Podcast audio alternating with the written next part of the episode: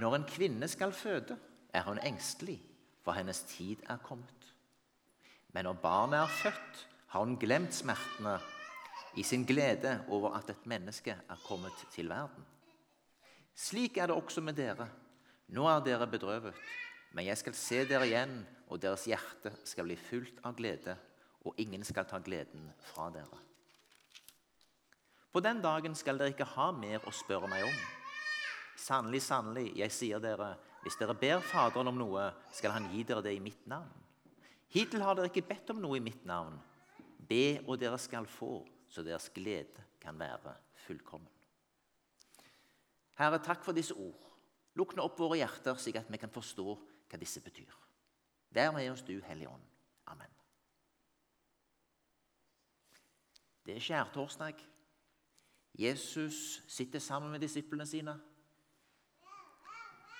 Han snakker om det som skal skje framover. Det er ikke alt de forstår. Det oppleves som gåtefull tale. Og Han sier òg 'Jeg kan ikke si dere alt. Dere kan ikke bære det ennå'. Det er så overveldende, det som Jesus formidler. Og det er så overveldende, det som skal skje, at det er ikke mulig å ta det inn. Det er rett og slett for mye. Men han trøster dem. Han forteller dem om talsmannen som skal komme. Han som skal lære dem alt. Han som skal lede dem til den hele og fulle sannhet. Han etablerer et håp der framme. Men han forteller også om at de skal sørge. Han forteller at de vil se at andre gleder seg. Verden gleder seg, mens de gråter. Han skaper her et skille mellom de som sørger over det som eh, skjer med Jesus, og de som gleder seg. For oss kan dette være en parallell i det at vi sørger over det som går tapt, mens andre gleder seg. Jesus ser nok her framover både mot påskedag og pinsedag når han etablerer dette med sorgen som skal bli forvandla til glede. Både skal de få se han igjen. Men det er jo litt spesielt i tida mellom påske og himmelfart. For gleden er ennå ikke fullkommen. De er litt i undring. Peter, en av disse lederne, han er nok i en veldig ambivalens. Ja, han får sin oppreisning. Han får sitt inderlige kjærlighetsmøte med Jesus. Men det er likevel ikke alt som er blitt åpenbart. Men på pinsedag så ser de ting klart. For da oppfylles dette med at jeg kommer til dere. Vi kommer til dere. Faderen og Sønnen tar bolig i dere ved Ånden. Dette kan sies, men det ble en erfaring på pinsedag. Videre På den dagen skal dere ikke ha mer å spørre meg om. Sannelig, sannelig, sier dere, hvis dere ber Faderen om noe, skal Han gi dere det i mitt navn. Hittil har dere ikke bedt om noe i mitt navn. Be, og dere skal få, så deres glede kan bli fullkommen. Ennå så forstår ikke disiplene hvilket stort navn Jesus Kristus er. Ennå er det skjult for dem. De har ennå ikke sett hva dette navnet skal representere. De har ennå ikke sett dypt inn i hva dette navnet skal gjøre av forskjell. Igjen, dette ser de ikke fullt ut før på pinsedag. Men da ser de det. Da har vi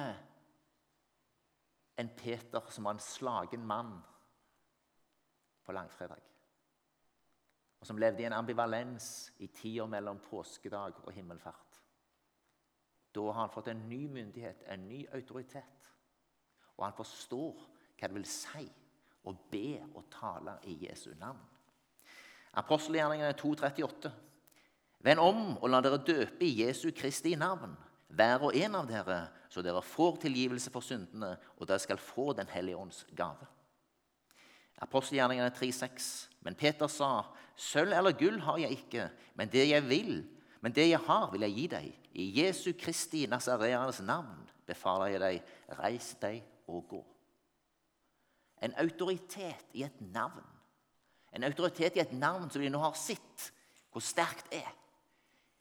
Et, et navn der døden er overvunnet, der synden er overvunnet, der det er kommet nytt liv, ny autoritet, ny fullmakt fra Gud direkte ved Jesu Kristi navn til de ved Den hellige ånd.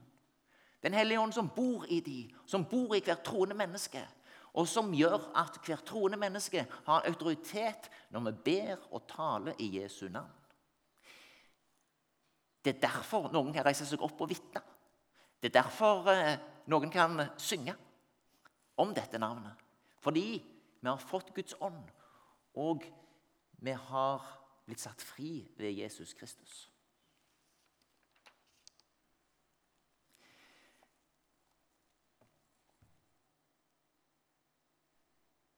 Hebreerne 10, 19-22. Så kan vi da, brødre, i kraft av Jesu blod, med frimodighet tre inn i helligdommen. Han har innviet en ny og levende vei for oss.